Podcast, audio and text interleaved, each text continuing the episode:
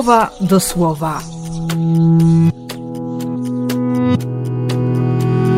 Rozważania księdza Grzegorza Mączki.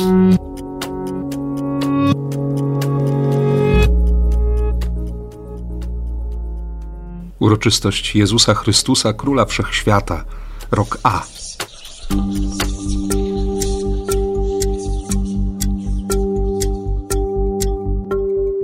Z księgi Ezechiela.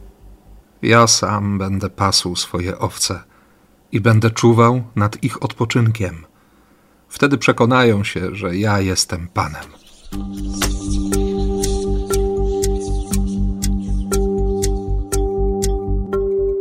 Z Psalmu 23. Choćbym szedł przez sam środek cienia śmierci, nie będę się bał żadnego zła, bo Ty jesteś ze mną.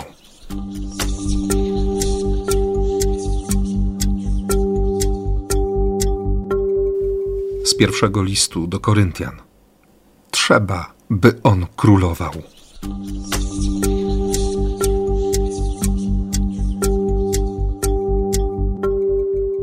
Z Ewangelii według świętego Mateusza. Chodźcie, błogosławieni mojego Ojca, stańcie się dziedzicami królestwa.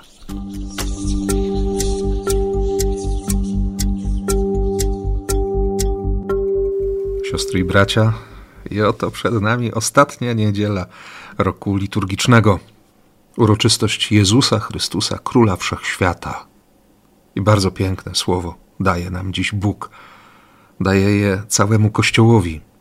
Po to, byśmy spojrzeli na naszego Odkupiciela. Byśmy zobaczyli Jezusa jako Boga, który, który jest bliski, który dziś przychodzi do nas jako pasterz ten pasterz, który zdecydowanie pachnie swoimi owcami, który się nie boi swoich owiec, który ich się nie wstydzi, który od nich nie ucieka. Widzimy to bardzo mocno w tym pierwszym czytaniu.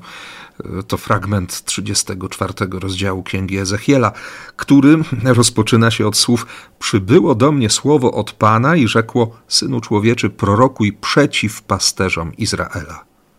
Ilekroć słyszę właśnie ten tekst, ten rozdział proroctwa, od razu pojawiają się w moim sercu wyrzuty. Przyglądam się sobie i widzę, jak bardzo to słowo odkrywa moje wnętrze. Mówi mi prawdę o mnie. Jednocześnie przypominam sobie komentarz mojego czcigodnego patrona, świętego Grzegorza Wielkiego, który również, czytając Ezechiela, odczuwał wręcz fizyczny ból z tego powodu, że, że życie pasterzy jego życie, moje życie, tak bardzo odbiega od tego, czego chciałby Bóg, bo okazuje się, że, że z rozmaitych powodów łatwo nam jest stracić naszą tożsamość. Tożsamość pasterza. Nie wolno zapominać, że, że pasterze w Izraelu to byli ludzie, którym się nie ufało, nie wierzyło, bo było wiadomo, że są przekupni, łasi na pieniądze, że chcąc związać koniec z końcem, mogą się posunąć do krzywoprzysięstwa. Są też zdolni do kradzieży. Trudno było mówić o pasterzach dobre rzeczy. I dlatego właśnie słowo proroctwa, w którym Bóg porównuje siebie do pasterza, mówi o sobie jako pasterzu, było słowem przyjmowanym z ogromnym zdziwieniem, słowem, które zatrzymywało, słowem, wobec którego nie można było przejść obojętnie. I właśnie o to chodziło, żeby nie przechodzić obojętnie wobec słowa Boga. Bóg nie chce być lekceważony. Zresztą nikt nie chce być lekceważony. A ten, który jest dobrym pasterzem, ten, który się upomni o każdą owcę, który będzie szukał swoich owiec, on właśnie chce się zatroszczyć, by ani jedna owca, ani jeden baran nie poczuł się zlekceważony, odrzucony, by nie miał podstaw do pojawienia się myśli, że jest nieważny, że beznadziejny, że niepotrzebny. Dlatego również obietnica, obietnica dobrego pastwiska, obietnica odpoczynku, nadzieja na obfitość, która przekracza pragnienia i marzenia. I jeszcze zapowiedź: Ja sam będę pasł swoje owce i będę czuwał nad ich odpoczynkiem. Oczywiście gdzieś w głowie od razu pojawia się obraz dobrego pasterza, który przedstawia później Jezus, gdy mówi o sobie: Ja jestem bramą owiec. Położę się swoim ciałem, zasłonię owce przed wilkiem, przed rozbójnikami. Położę się w wejściu do zagrody i, i nikt ze złymi zamiarami tam nie wejdzie. Wtedy przekonają się, że ja jestem Panem. Tak, On chce zapanować. Zapanować nad każdym moim lękiem, nad niepewnością jutra, nad wstydem przeszłości. To jest ten, który, który nie boi się być tak blisko, że, że może przesiąknąć moim zapachem. On nie przesiąknie moim grzechem, ale on ten grzech weźmie na siebie. On go przybije do krzyża. W nim mój grzech został przybity do krzyża, jak powie bardzo wyraźnie święty Paweł. Dlatego ja, owca, częściej baran, może przesiąkać Jego zapachem, Jego miłością, Jego czułością. To ja mogę przejmować Jego zwyczaje, uczyć się być taki jak On, być tak podobnym, że Ojciec Niebieski, patrząc na mnie, patrząc na Ciebie, siostro i bracie, może powiedzieć bez żadnego zawahania: To jest moje dziecko. To jest mój umiłowany, moja ukochana. Dlatego, jak napisze autor Psalmu 23, choćbym szedł przez sam środek cienia śmierci, nie będę się bał żadnego zła. Ty jesteś ze mną. Twoje miłosierdzie będzie mi towarzyszyć przez wszystkie dni mego życia. Albo jak przeczytamy w innym tłumaczeniu, Twoja łaska i Twoja wierność, Twoja dobroć, Twoja życzliwość będą mnie ścigać. Aż się chce za świętym Pawłem od razu wykrzyknąć: ani śmierć, ani życie, ani cokolwiek nie jest nas w stanie odłączyć od miłości Boga, nie jest nas w stanie wyrwać z serca Jezusa. Nawet spacer przez sam środek cienia śmierci. No właśnie, tu nie chodzi o zgrywanie bohatera. To nie jest fragment o herosach wiary. To jest słowo, które daje Bóg wszechmogący. Bóg, któremu zależy. Bóg, który kocha człowieka, który kocha grzesznika, który za każdego z nas oddaje swoje życie. A ponieważ On oddaje to życie z własnej woli, nikt mu go nie zabiera, co więcej, ma tę moc, by życie oddać i by je znów odzyskać, by je wziąć z powrotem w swoje ręce to każdy, kto ten skarb, kto ten talent, ubiegłotygodniowy talent swojego życia położy w jego dłoniach, może mieć pewność, że nawet gdy wejdzie w śmierć, zostanie również od tej śmierci uwolniony, będzie żył.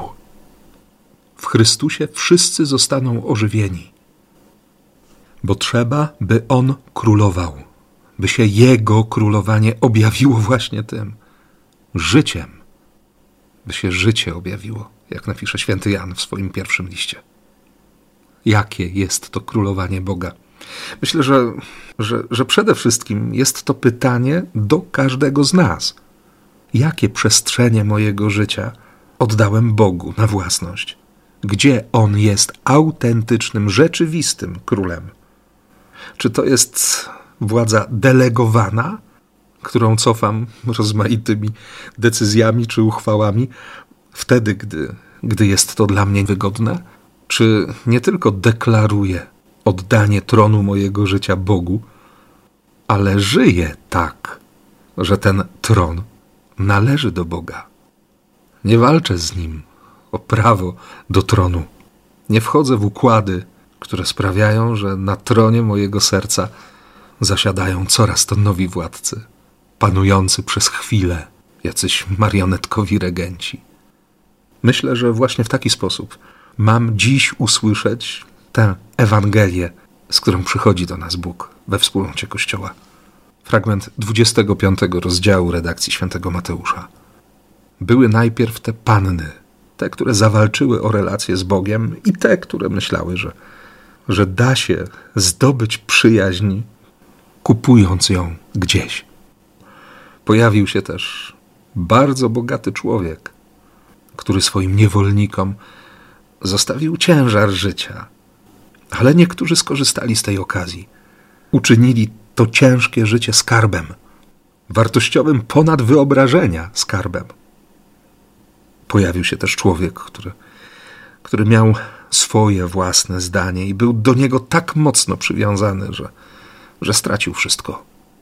I wreszcie Chrystus mówi o sobie, o tym, że wróci, że spojrzy na cały świat, na całą ludzkość i wielu zaprosi do królestwa, mówiąc o tym, że, że są błogosławieni, że są dziedzicami, że to królestwo przygotowane dla nich od założenia świata.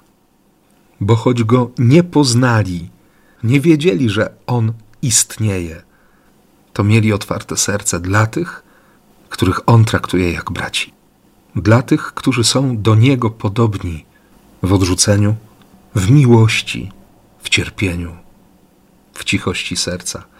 To właśnie o nich Jezus mówił dwadzieścia rozdziałów wcześniej, kiedy patrzył na swoich uczniów i pokazywał tę drogę szczęścia. Że ubodzy w duchu, że miłosierni, że ci, którzy mają czyste serce, że ci, którzy tak tęsknią za sprawiedliwością, za Bogiem, że ci, którzy potrafią utrzymać ciszę serca, nie walczą wcale o uwagę tłumów, że ci, którzy nie boją się tracić cokolwiek, byleby nie stracić Boga. To jest nasze miejsce. Mam nadzieję, że to jest nasze miejsce. Ci najmniejsi bracia Jezusa. Wracamy do początku. Jak blisko Boga jestem. Jak bliski dla mnie jest Bóg. Jaką mamy relację? Czy to przyjaźń? Taka na śmierć i życie? Dosłownie na śmierć i życie. Warto o tym wszystkim dziś pomyśleć.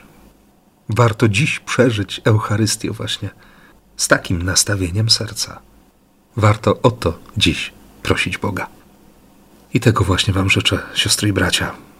Dziękując jednocześnie za ten cały rok, rok liturgiczny, bo jestem Wam naprawdę wdzięczny za to, że, że słuchamy razem Słowa Bożego, że mobilizujecie mnie, bym odkrywał to Słowo dla Was i dla siebie, bym słuchał tego, co mówi Bóg, bym nieustannie pielęgnował w sobie i w bardziej lub mniej udany sposób realizował to, co, to, co słyszę. Dziękuję Wam za to. I i do zobaczenia w przyszłym roku liturgicznym. Amen.